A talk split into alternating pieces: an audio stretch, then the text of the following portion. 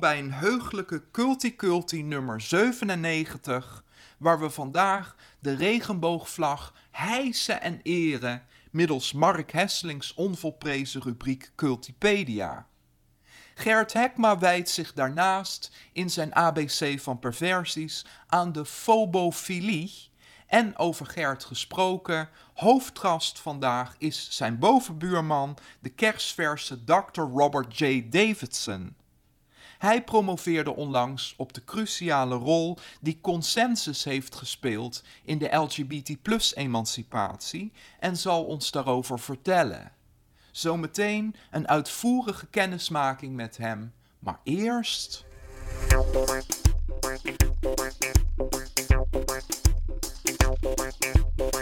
Moedig voorwaarts. De beslommeringen van Robert. Langzaam glijd ik terug in een oud normaal dat ik al lang vaarwel had gezegd om te kunnen overleven. Ik grijp het aan, maar niet te gretig, bang dat het me binnenkort toch weer afgenomen zal worden. Mijn handen vormen een kommetje om de ondergaande nazomerzon heen, niet te bezitten, noch te bevatten. Het begon in dat Badhoevedorpse hotel, bij die blakende Corrie en Donna's bingo show, waar ik me bedacht en beducht voor het eerst durfde te begeven onder vakantievierende senioren vriendenclubs en prille gezinnen. Lachend om dansjes, valse bingo's en de broodroostervrouw. De inventief geplaceerde bioscoop bood me een tweede kans op onbezorgde ontsnapping.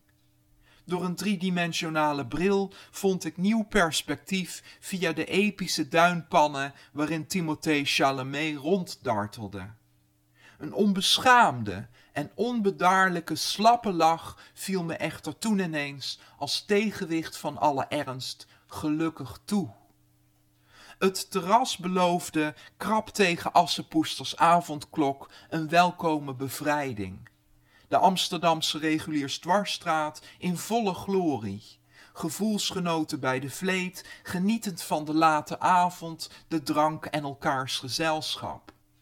Daarbij was het weer zo zacht dat het moeilijk was om niet nog zeker een uur rond te blijven hangen. Het was als honing om langzamerhand weer in elkaars armen te kunnen vallen even later om voor publiek te mogen zingen in een fysieke zaal, samen goulash te eten en een verjaardag te vieren rond een verbroederend vreugdevuur op Stelken Beach. Ik koester de sintels, de rook, de hernieuwde gloed van mijn vingertoppen tot in mijn tenen. Niet te bezitten, noch te bevatten. Moedig voorwaarts.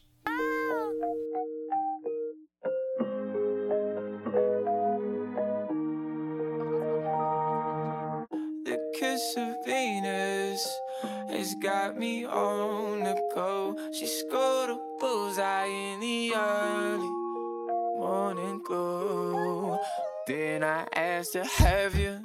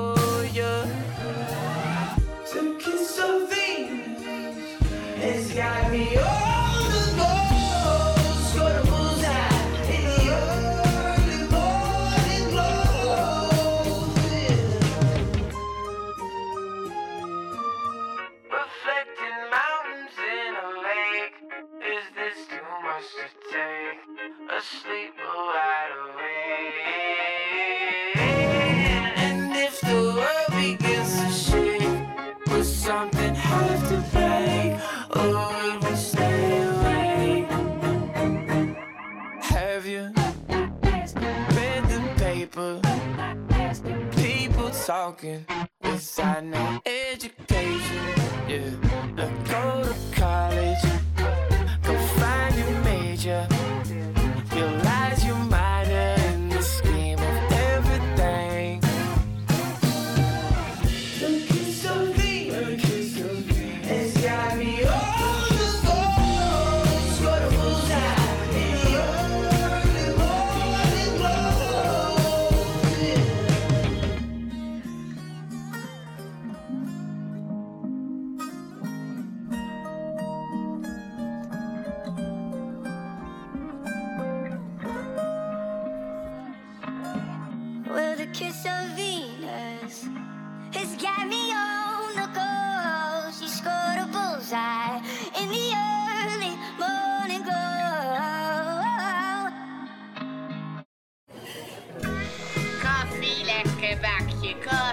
Vers met een Brusselse kermis? Zo. Op de koffie bij Robbie Davidson. Of moet ik zeggen, Dr. Davidson. Oh, zeg maar Robbie hoor. Ik mag Robbie zeggen. Heel graag, Ja. ja. Maar hoe voelt dat nu om een dokter te zijn? Ja, dat voelt een beetje raar in de zin van, eh, ja, het is er. maar het is ook niet iets waar ik dagelijks bij stilsta of zo. Het is eerder een mooie voltooiing van jarenlang onderzoek. Je hebt er lang aan gewerkt. Of hoeveel Ja. jaar? Nou, ik ben begonnen in 2012. En ik heb dit onderzoek altijd naast andere werkzaamheden bij de UvA gedaan. Lesgeven dan? Of wat? Ja, lesgeven, maar ook ondersteunende werkzaamheden bij eh, bijvoorbeeld eh, de Amsterdam Research Center for Gender and Sexuality en ook voor een wetenschappelijk tijdschrift, heet Ethnography. Die werkzaamheden deed ik eigenlijk het hele traject voor eh, iets van drie, vier dagen in de week. Mhm. En daarnaast heb ik de promotie gedaan. Was het moeilijk om tijd te vinden voor de promotie? Ja, dat vergde echt wel een strakke planning. Kun je Dus ik multitasken? Ja, dat kan ik wel. Oké. Ja, ja en, en achteraf gezien was het ook wel leuk om die taken te combineren, want dat zorgde ervoor dat alles een beetje fris bleef. Niks ging vervelend, want je was toch de hele tijd aan het springen van de een naar de ander. Hoe was het om je PhD te behalen in coronatijd? Ik heb een stream gezien waar het eh, voor het publiek eh, ook, mee te kijken was. Ja, dat was een beetje dubbel. Ik had bijvoorbeeld heel graag gewild dat mijn ouders hierheen waren gekomen vanuit eh, de WS. Maar dat mocht niet vanwege de reisbeperkingen. En ja, uiteindelijk heb ik daar in een grotendeels lege kerk staan eh, preken. Wel heel erg blij met de mensen die erbij konden zijn. Bijvoorbeeld Geert Hekman en Matthias Davis, onder anderen. Tegelijkertijd, door die link in de stream, konden andere familieleden die anders niet naar Amsterdam eh, hiervoor waren afgereisd, die konden wel meekijken en het zien. Heb je het nog gevierd ook? Ja, met een aantal mensen eh, geborreld en gegeten om, om toch, toch erbij stil te staan. Ja, ja, belangrijk lijkt me ook wel. Ja. Je zei het al, je komt oorspronkelijk uit Amerika. Hoe was het om daar op te groeien? Ik kom uit Evansville, Indiana. Dat is in het zuiden van de staat Indiana. Dat is een staat geografisch gezien in het noorden met de mentaliteit van het zuiden, zeg ik eh, dan erbij. Mike Pence komt er ook vandaan. Ja, was Ja. eh, de gouverneur, dat klopt. Eh, dus dat geeft ook een beetje aan wat voor mentaliteit er is. Ik beschrijf het ook wel eens als een culturele woestijn. En vooral op gebied van gendergelijkheid en gelijkheid voor seksuele minderheden. Dus dat is niet een leuke plek om op te groeien als homojongen. Hoe merkte je dat dan? Nou, een sterk overheersende heteronorm. Ik denk dat ik anders wel eerder uit de kast was gekomen. Bijvoorbeeld, ik kwam om mijn achttiende uit de kast. Nou Ja, dat heeft zeker meegespeeld in de beweegredenen om naar Nederland te verhuizen. Maar waarom dan naar Nederland en niet bijvoorbeeld naar San Francisco? Nee, dat, ik snap die vraag heel goed. Maar voor mij had het met ook meerdere dingen te maken. Dus niet alleen met seksuele vrijheid, maar hoe dat samenhing met de politiek. Ik heb politicologie gestudeerd in Amerika voor mijn bachelor. Ik was altijd in de politiek geïnteresseerd. In Amerika heb je dat meerderheidsmodel en het twee-partijen systeem. Nou, ik vind dat niet echt werken. Of in ieder geval conservatisme in de hand werken. En ik was heel erg benieuwd naar wat ik toen zag als het tegenovergestelde daarvan. Dus dat meer consensusgerichte politiek in Nederland, meer partijenpolitiek. Ook omdat ik toen al een idee had dat dat bevorderlijk kan zijn voor allerlei minderheidsgroeperingen, waaronder LBTI'ers. En daar was ik nieuwsgierig naar. Hoe werkt dat dan in de praktijk? Uh, hoe ziet het eruit? En dat is ook doorgecijpeld in mijn proefschrift. Dat gaat over het onderzoeken van dat soort vragen. Met welke leeftijd kwam je naar Nederland? Ik was toen 22.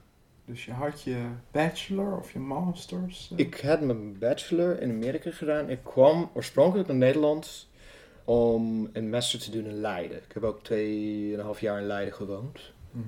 En daarna ben ik naar Amsterdam verhuisd.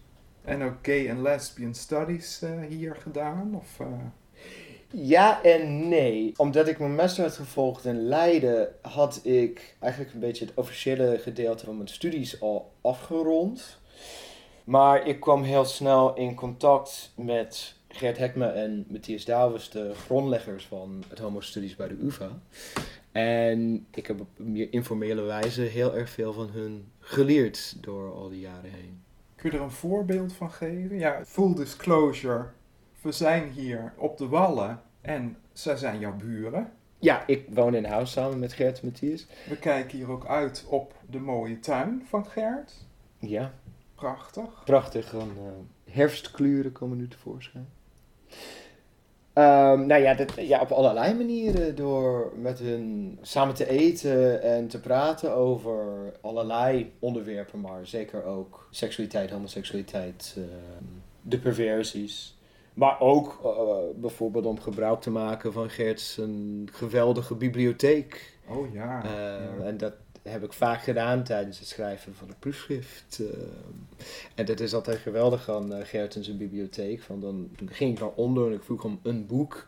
Heb je dit of dat? En hij zei ja. En oh ja, maar als je dat leuk vindt of geïnteresseerd daarnaar bent, dan moet je dit en dat en dit lezen. Dus ik altijd terug met een hele stapel eh, hele interessante dingen die, die mijn blikveld konden verruimen.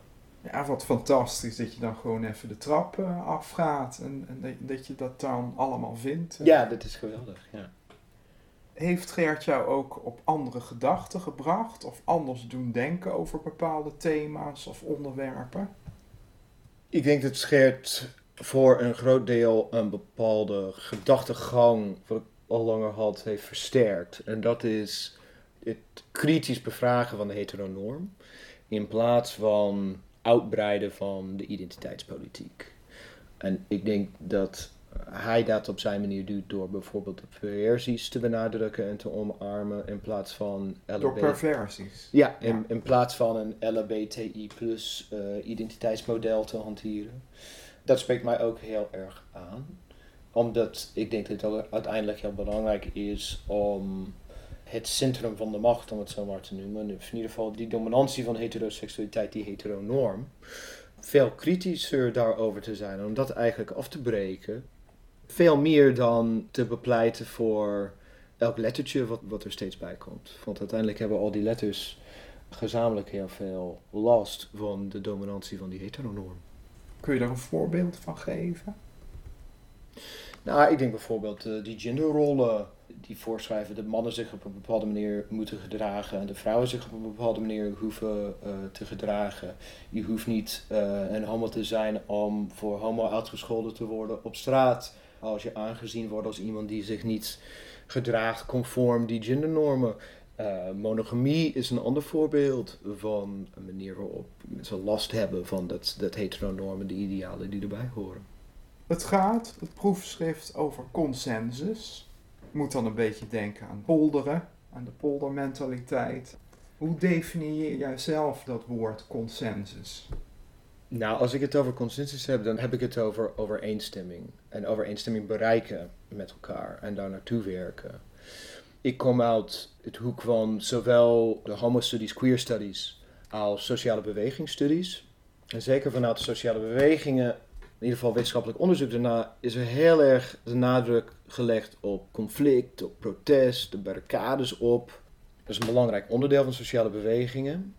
Maar er zijn ook allerlei andere manieren om je doelen voor elkaar te krijgen. En één daarvan, wat eigenlijk tot nu toe heel erg onderbelicht is geweest, is consensus.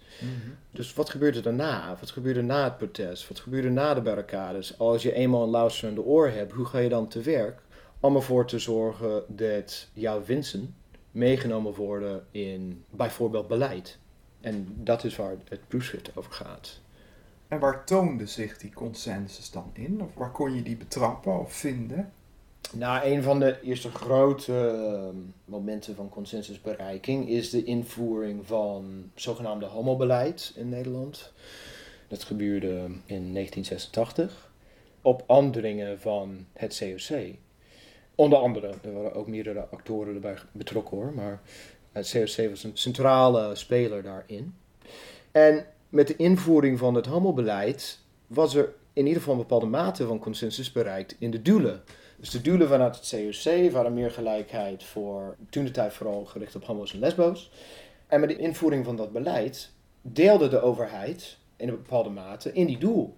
En ging die gelijkheid van homo's en lesbo's ook bevorderen door allerlei projecten uit te voeren en te financieren. Dus dat gedeelde doelstelling door de invoering van homobeleid toen was heel belangrijk voor dat creëren en bevorderen van consensus, wat, wat later steeds verder is eh, uitgebreid.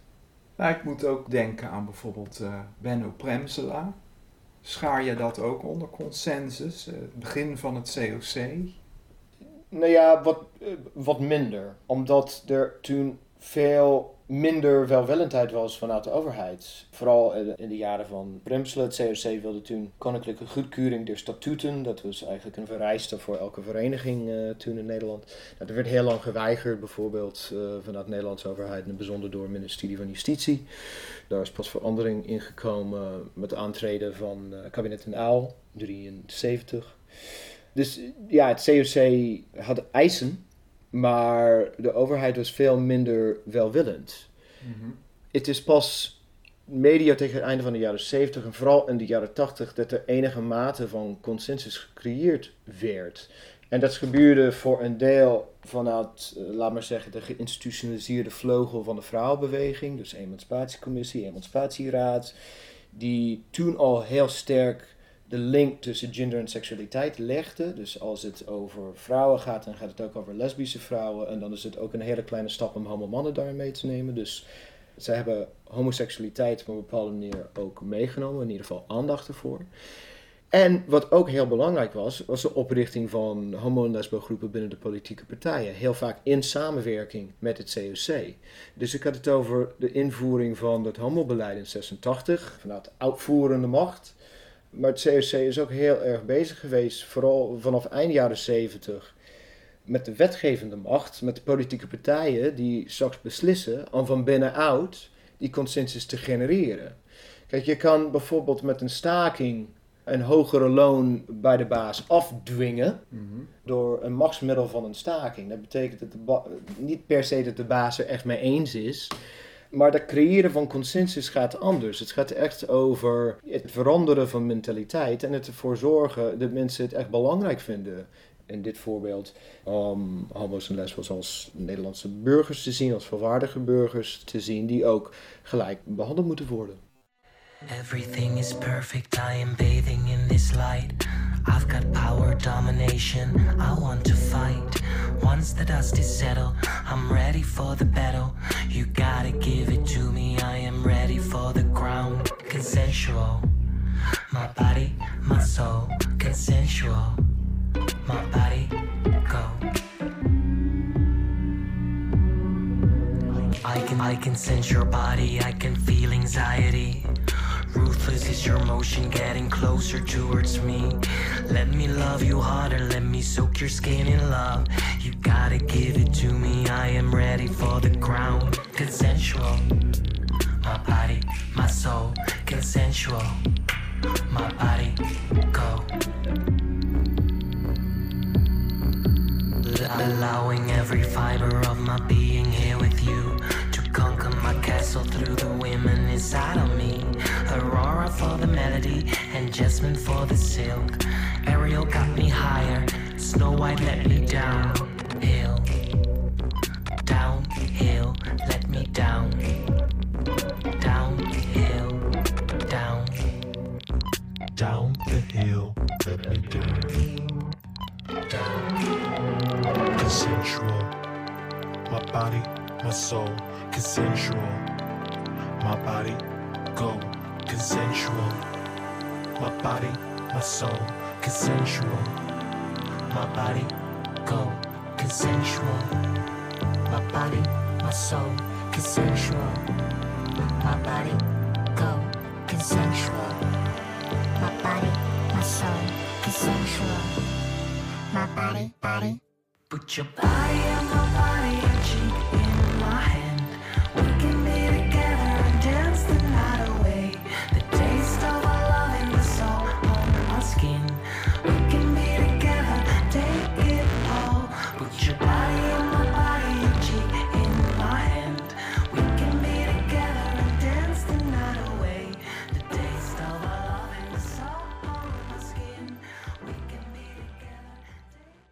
Wat heeft je het meest verrast tijdens je onderzoek?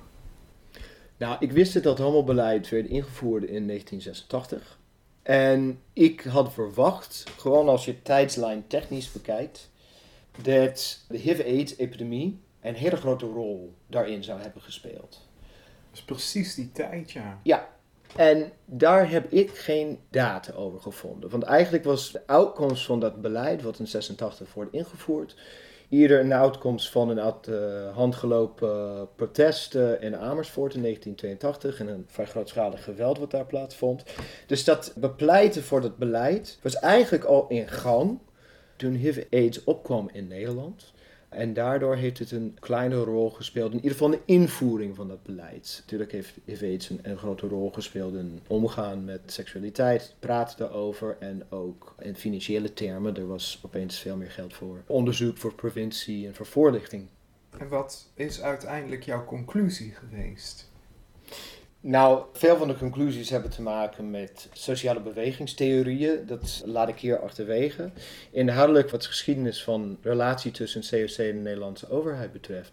Ik denk dat een aantal dingen belangrijk zijn om bewust van te zijn. Kijk, als we nu kijken naar de welwillendheid van de Nederlandse overheid, zou je kunnen denken dat dat er altijd geweest is. Nou, een van de dingen wat mijn proefschrift heel duidelijk laat zien, is dat dat niet zo is geweest. Dat er echt wel lange periodes zijn geweest, decennia sinds de Tweede Wereldoorlog, waarin er heel weinig welwillendheid was vanuit de overheid. En je ziet het er ook golven zijn waarin die welwillendheid wat minder is geweest.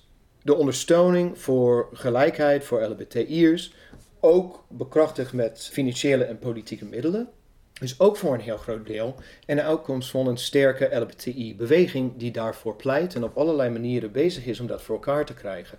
Dus we moeten het niet overlaten aan de overheid. Ik denk dat dat een van de belangrijkste conclusies is. En tweede is dat welwillendheid of steun vanuit de onderheid voor LBTI, gelijkheid of emancipatie, hoe je het wil noemen, gaat ook vaak in golven, staat nooit vast en is altijd in verandering en in beweging. Daarom kunnen we het eigenlijk ook nooit alleen aan de overheid laten. De overheid heeft een hele belangrijke rol om erin te spelen, maar de beweging ook. En daarom moeten we eigenlijk zorgen dat wij een krachtige, breed gedragen LBTI-beweging behouden en koesteren binnen Nederland. Om ervoor te zorgen dat gelijke rechten en gelijkheid voor LBTI'ers blijft aangekaart worden, blijft bepleit worden. Want we zijn er nog niet. En jouw blik op het COC, of de rol van het COC, is dat ook veranderd tijdens je onderzoek?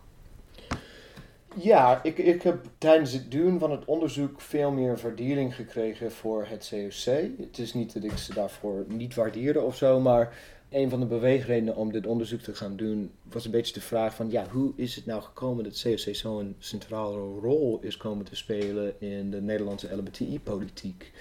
Eigenlijk zijn er vrij weinig studies over het COC geweest, in ieder geval sinds het begin van de jaren 80. Dus het was dat betreft ook een beetje een black box. Dus wat deed die organisatie nou eigenlijk? Wat was hun rol, vooral in samenwerking met de overheid en in de beleidsvorming? Er gebeurde natuurlijk heel veel achter de schermen dan. Ja, Ja. en dus dat niet wat plaatsvond op de barricades of in het openbaar van het protest, maar juist heel veel lobbywerk, heel veel discussies met belangrijke spelers binnen politieke partijen, maar ook binnen de uitvoerende macht, de staatssecretarissen en ministers die verantwoordelijk waren voor dit beleid. Misschien nog belangrijker de ambtenaren onder hun, die met de dagelijkse uitvoering bezig waren geweest. Al de brieven die het COC heeft geschreven om dit hoog op de agenda te krijgen en behouden. Maar als je dingen van de overheid wil, wetgeving, beleid, financiële middelen, politieke middelen, dan moet er iemand of een organisatie zijn die uiteindelijk met de overheid in gesprek gaat. En daar zijn verschillende clubs bij betrokken geweest, maar het COC is, is het centrale speler daarin geweest. Heeft het COC ook nog gereageerd op jouw proefschrift? Nee, niet in formele wijze. Ik denk dat dat ook te maken heeft met een redelijke recente wisseling van de directuur.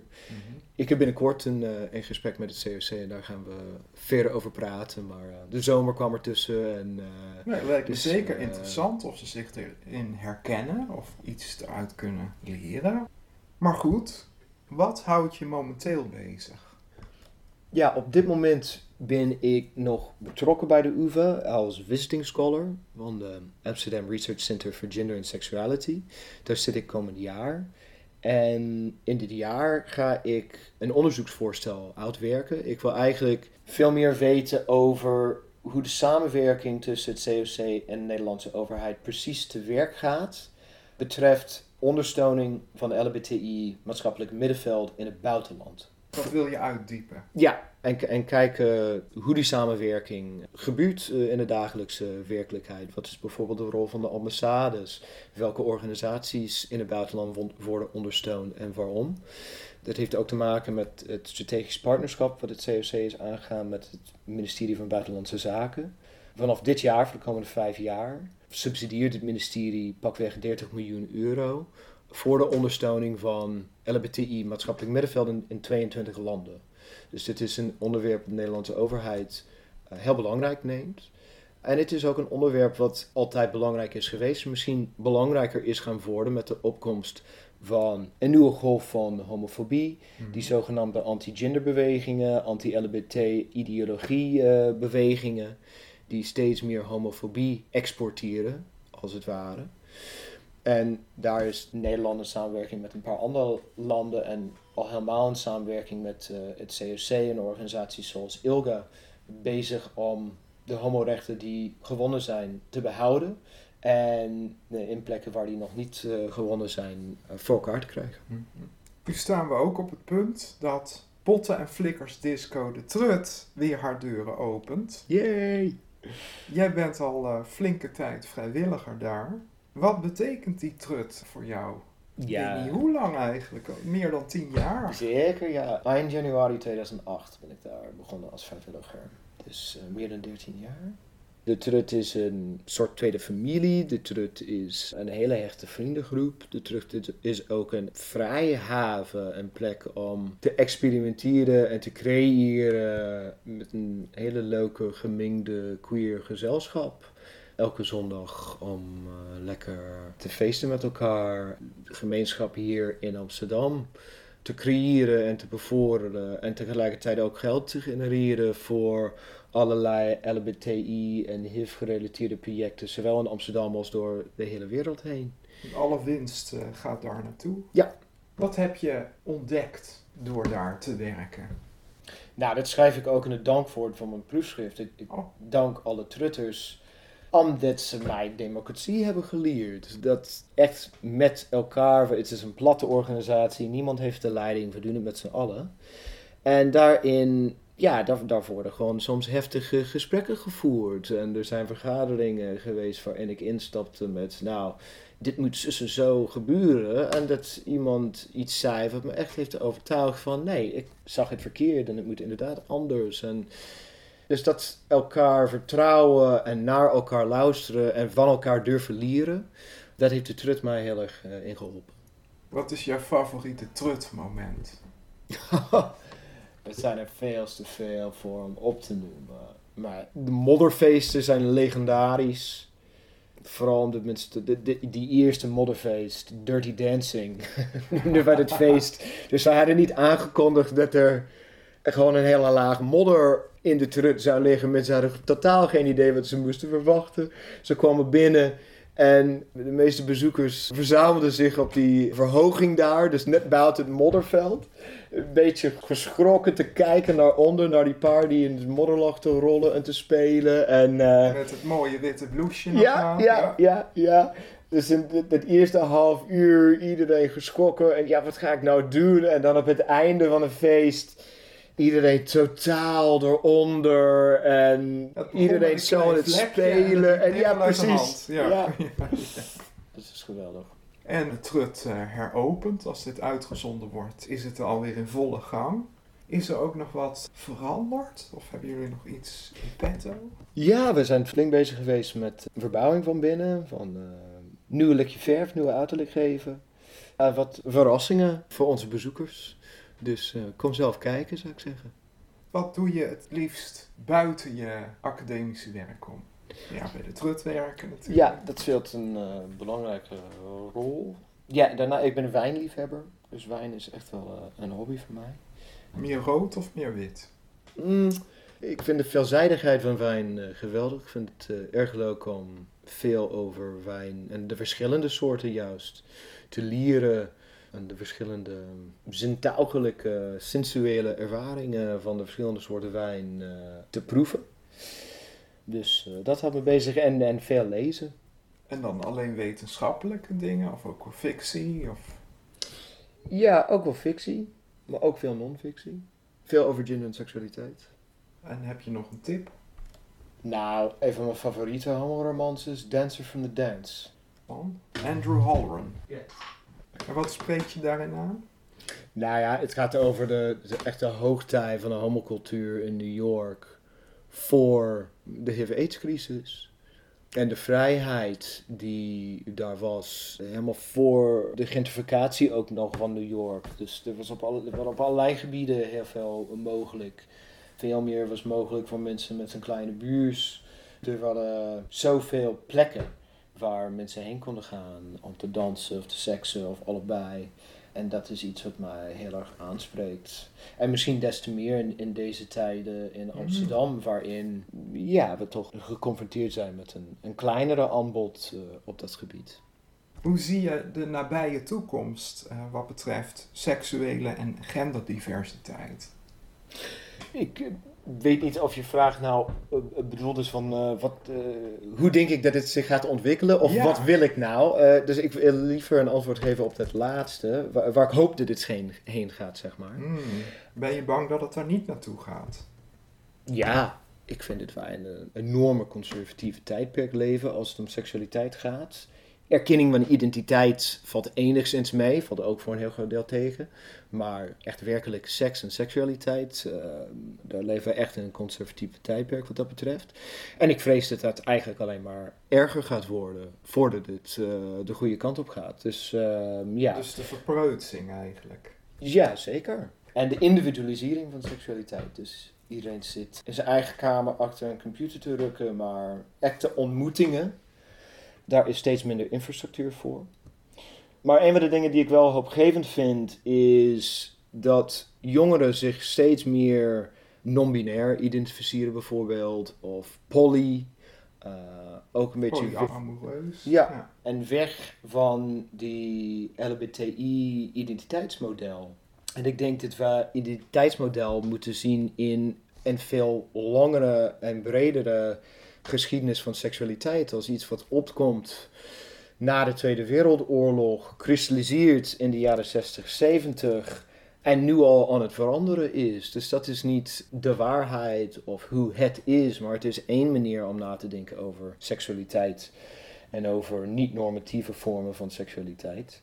En ik zou het interessant vinden als wij als maatschappij steeds meer weggaan van dat hetero-homo of hetero-LBTI-model naar de polymorphous perverse, om het in eh, achterhaalde termen van Freud eh, te gebruiken. Meer el- fluïde. ja, precies. Want elk mens heeft eigenschappen die toebehoren aan zowel eh, mannelijkheid als vrouwelijkheid. Ik denk dat er ook veel meer biseksualiteit is dan de maatschappij erkent. Er is meer perversie dan de maatschappij erkent. En meer, ja, ik zou willen dat we meer gaan naar een model van nieuwsgierigheid. Uh, waar ben ik mogelijk in geïnteresseerd? Experimenteren, experimentatie. Meer dan identiteit. Want identiteit is uiteindelijk een afbakening, een kooi. Het zegt, uh, dit is wat ik wel ben en dat is wat ik niet ben. Dus uh, ik zou het heel graag zien dat we, dat we naar een meer open, maar ook een nieuwsgierige seksuele cultuur heen gaan. Waar kunnen mensen meer van jou zien en lezen? Op de website van de UvA ben ik te vinden. Mensen mogen mij zeker mailen voor een kopie van, uh, van het proefschrift. Ik heb gepubliceerd in een aantal wetenschappelijke bladen, zoals de Journal of Homosexuality, maar ook een Nederlands politieke logische blad, Acta Politica onder andere. Dus daar zijn mijn, uh, mijn artikelen te vinden. En een eigen website, toch?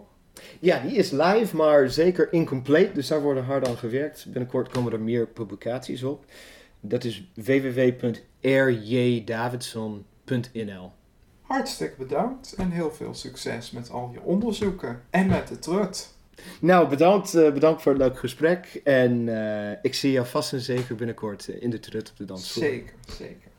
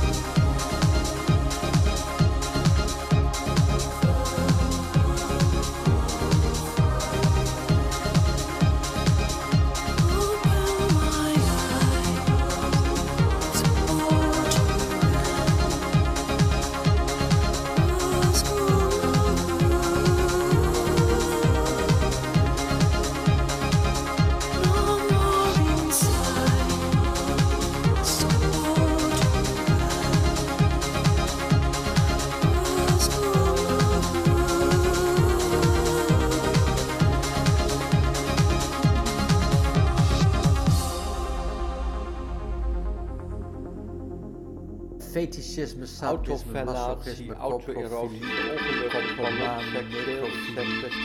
onderdanigheid, kinderliefde, diplomatie, dominantie,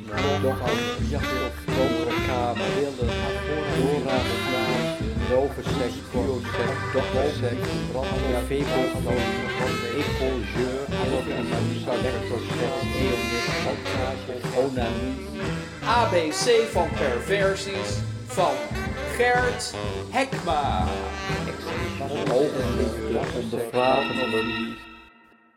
En de perversie van deze maand is fobofilie.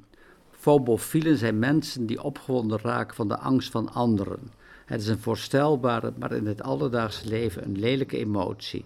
Het is de angst in de blik van de ander die de lust opwekt. Het speelt een belangrijke rol in het SM-spel, waarbij de sadist mede opwinding kan ontlenen aan de angst van de masochist, die op zijn beurt geil, maar soms ook bang wordt van de vreedheid van de sadist. Het is die toestand tussen angst en opwinding van de onderliggende partij die een van de mooiste momenten is bij SM. Daar waar aarzeling optreedt tussen pauzeren en een stapje verder gaan. Tussen aan de angst toegeven of die zo opvoeren dat de opwinding toeneemt.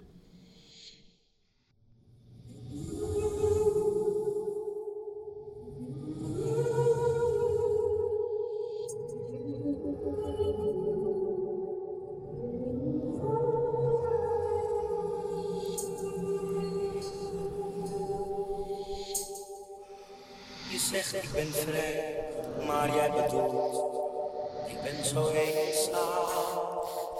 Je voelt je te gek, zeg jij, maar ik zit niet te dromen. Want die blikken in je ogen zeggen alles tegen mij. Ik voel me precies als jij, dus jij kan eerlijk zijn. Je voelt je heel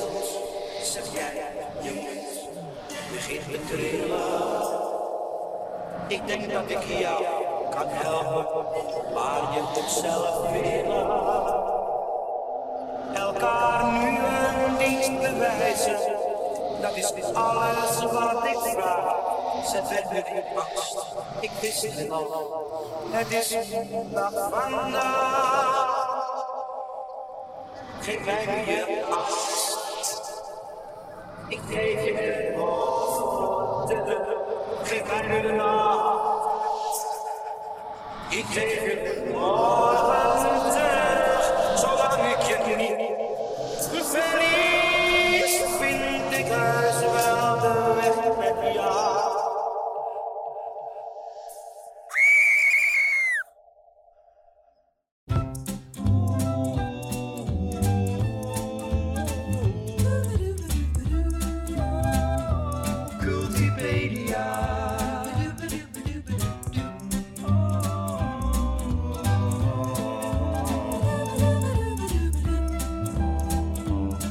Cultipedia. Cultipedia, uw maandelijkse gids voor cult, camp, kitsch en curiosa. Met Mark Hesseling.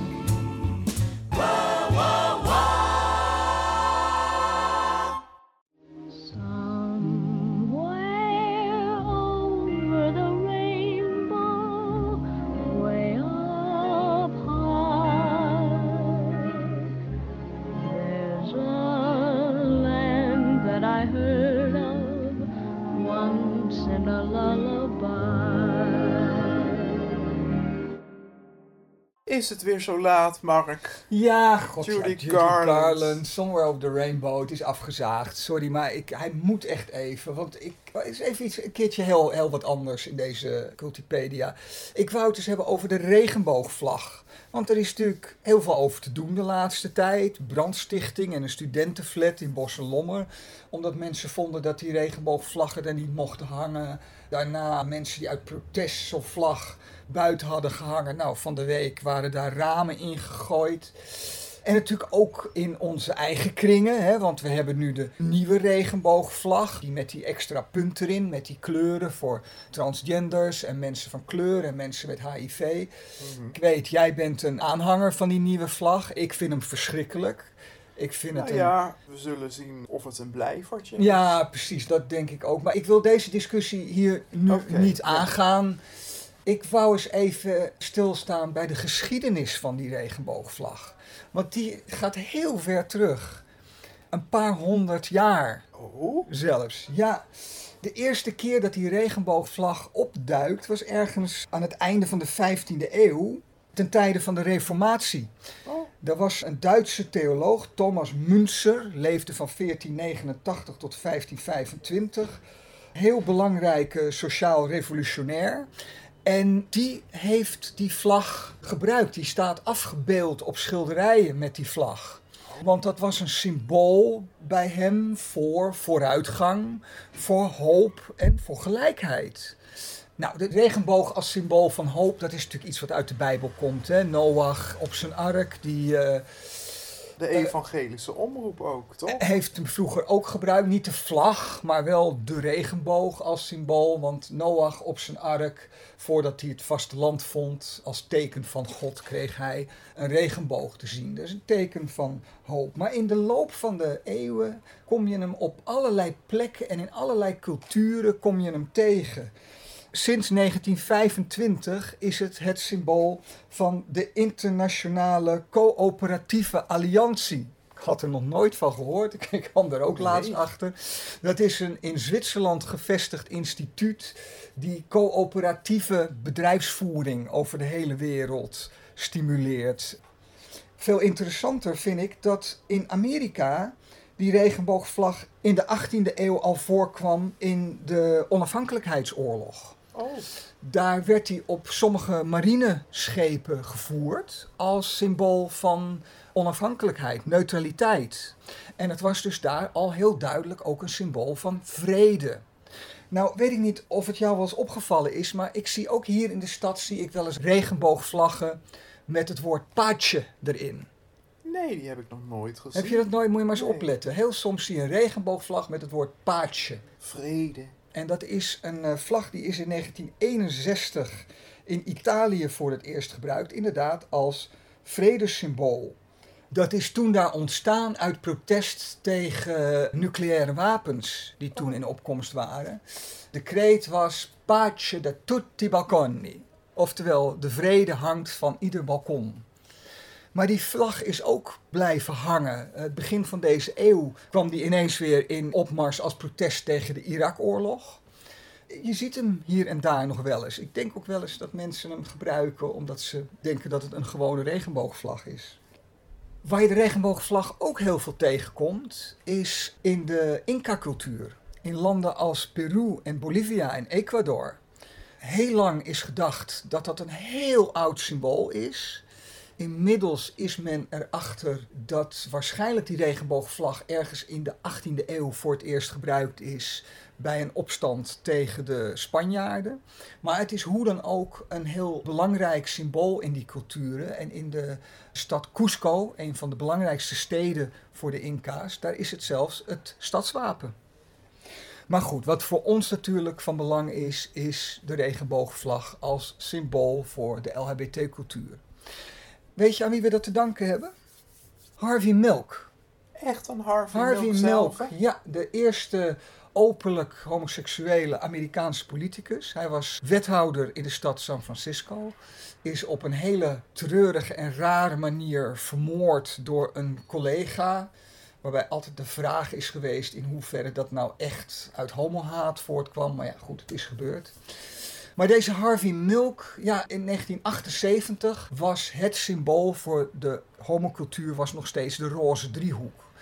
En hij vond dat een negatief symbool. Het was een symbool wat natuurlijk heel erg de gays als een aparte groep wegzette. Een symbool wat ook gebruikt werd door de nazi's in de Tweede Wereldoorlog. Hè, waar de joden met de ster liepen, moesten de homo's met die roze driehoek lopen. Veel Geuzensymbool, ja. ja, maar ook negatieve betekenis. Mhm. En het was deze Harvey Milk die eigenlijk vond, er moet dus een nieuw symbool komen. En hij was bevriend met een Gilbert Baker. Dat was een voormalige militair die na zijn diensttijd eh, had hij zichzelf eh, naaien geleerd. En eh, Dat is de ontwerper van de originele vlag, toch? Klopt, ja. Die heeft op verzoek van Harvey Milk heeft hij die vlag bedacht. En hij heeft zich echt laten inspireren door dat nummer Somewhere Over the Rainbow van Judy Garland. Daarom moesten we het even draaien. Maar ook door al die vredelievende betekenissen die die vlag in de loop van de historie altijd gehad had. Zijn oorspronkelijke ontwerp had acht kleuren, had acht banen.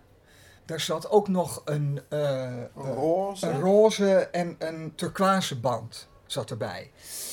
Ook echt, al die banen hadden een betekenis. Dat is iets wat je nu ook nog wel eens hoort als het weer gaat in die discussie over die nieuwe vlag. Maar dat is echt ook iets van toen wat hij ook al bedacht had. Al die kleuren stonden voor seks, life, healing, sunlight, nature, magic en art, serenity en spirit. En dat is dan van boven naar beneden. Precies. Ja. Nou, in de loop van de tijd, eigenlijk al heel snel, zijn twee van die kleuren zijn gesneuveld om hele prozaïsche redenen. Harvey Milk werd vermoord. En naar aanleiding daarvan kwam er ineens enorme vraag naar die vlaggen. Hij moest er ineens heel veel gaan maken. En net op dat moment was die roze stof nergens meer te krijgen. Dus toen heeft hij die roze band eraf gehaald. Dus bleven er zeven kleuren over. Toen kwam er een paar jaar later een Gay Pride in San Francisco. En toen was bedacht om alle lantaarnpalen van de stad aan weerszijden van die paal een halve vlag op te hangen. Maar ja, dan moest je wel aan allebei de kanten eenzelfde aantal kleuren hebben. En nu waren er zeven banen, dat was een oneven aantal. En toen is dus de turquoise de magic art. Hè, de roze was de seks en de magic art is toen ook gesneuveld. En zo is dus de zeskleurige vlag ontstaan, die we nu nog steeds kennen. En die natuurlijk een, een heel belangrijk symbool is in de Verenigde Staten, eigenlijk nog meer dan hier, omdat er echt enorme rechtszaken gevoerd zijn, enorme strijd gevoerd is door mensen die vlag buiten hangen, wat door autoriteiten verboden werd. En natuurlijk ook in landen waar zo'n anti-homopropagandawet is, zoals in Rusland en eh, Polen en zo. Daar, daar zijn die vlaggen ook verboden. Dus het is ook heel erg een vrijheidssymbool. En dat na de aanslagen in Orlando het Witte Huis van president Obama in regenboogkleuren verlicht werd, dat was een eh, enorme triomf. Heb jij zelf eigenlijk een eh, regenboogvlag? ja. Nou, kijk maar om je heen. Ik heb toevallig een paar schoenen in regenboogkleuren. En er hangen bij mij bij de Pride altijd twee regenboogvlaggen aan het balkon. En wil je nog wat laten horen? Ja, In ik, de ik dacht, van de regenboog? Judy Garland hebben we al zo vaak gehoord. Maar ik heb nog een ander heel erg mooi liedje over de regenboog. Wat ook echt past in... eh, In Frans Bauer, toch? En nee, en ook niet Paul de Leeuw. nee, is een heel mooi liedje. The Rainbow Connection. Ik heb hier een hele mooie uitvoering van de Carpenters. Maar ik laat toch het origineel van Kermit de Kikker Oh, horen. Want I dat is zo it. prachtig. Heel mooi, dankjewel.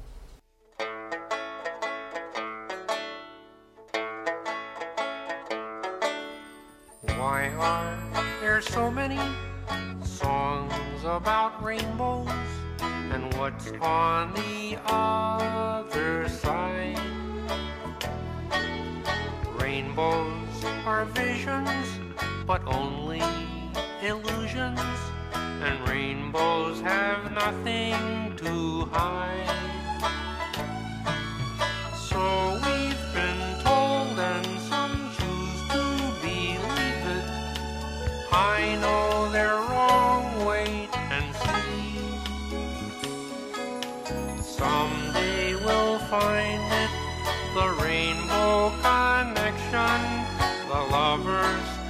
Dreamers, and me.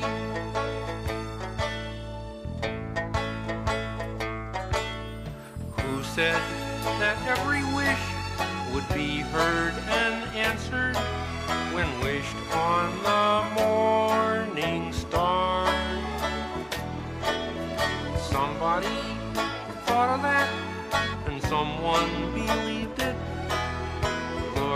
What it's done so far. What's so amazing that keeps us stargazing? And what do we think we might see? Someday we'll find it, the rainbow connection, the lovers, the dreamers, and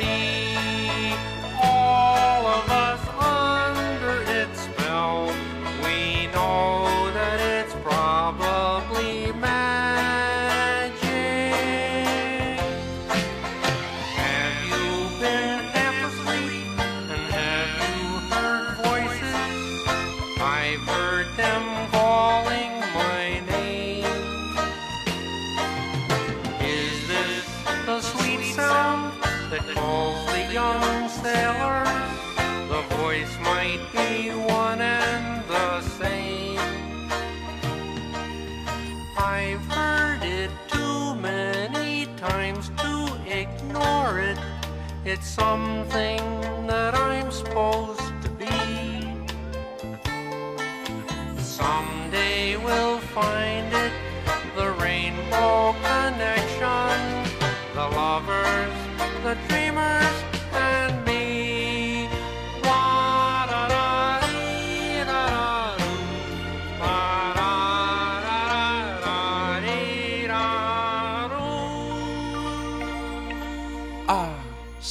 een zingende kermittenkikker.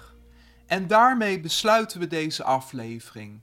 Ik ben Robert Weijers en dank hierbij van harte Bert Boelaars, Paul McCartney, Dominic Fike, Robbie Davidson, Reindier, Chicane, Gert Hekma, freesound.org, André Hazen senior, Mark Hesselink, Judy Garland, Kermit the Frog en Lydia Till. Meer fijns in eenzelfde sfeer als deze uitzending is te vinden op de site culticulti.nl, culti met de K van krakersbolwerk. Aldaar zijn alle eerdere episodes terug te luisteren met zoekfunctie op gasten, perversies en culturele tips, als ook de mogelijkheid te abonneren via de podcastfeed. Tot een volgende keer. Culti culti, culti culti, culti culti, culti culti, culti culti, culti culti, culti. Dit was NVS Radio. Voor meer informatie en media ga naar www.nvs.nl. NVS Station.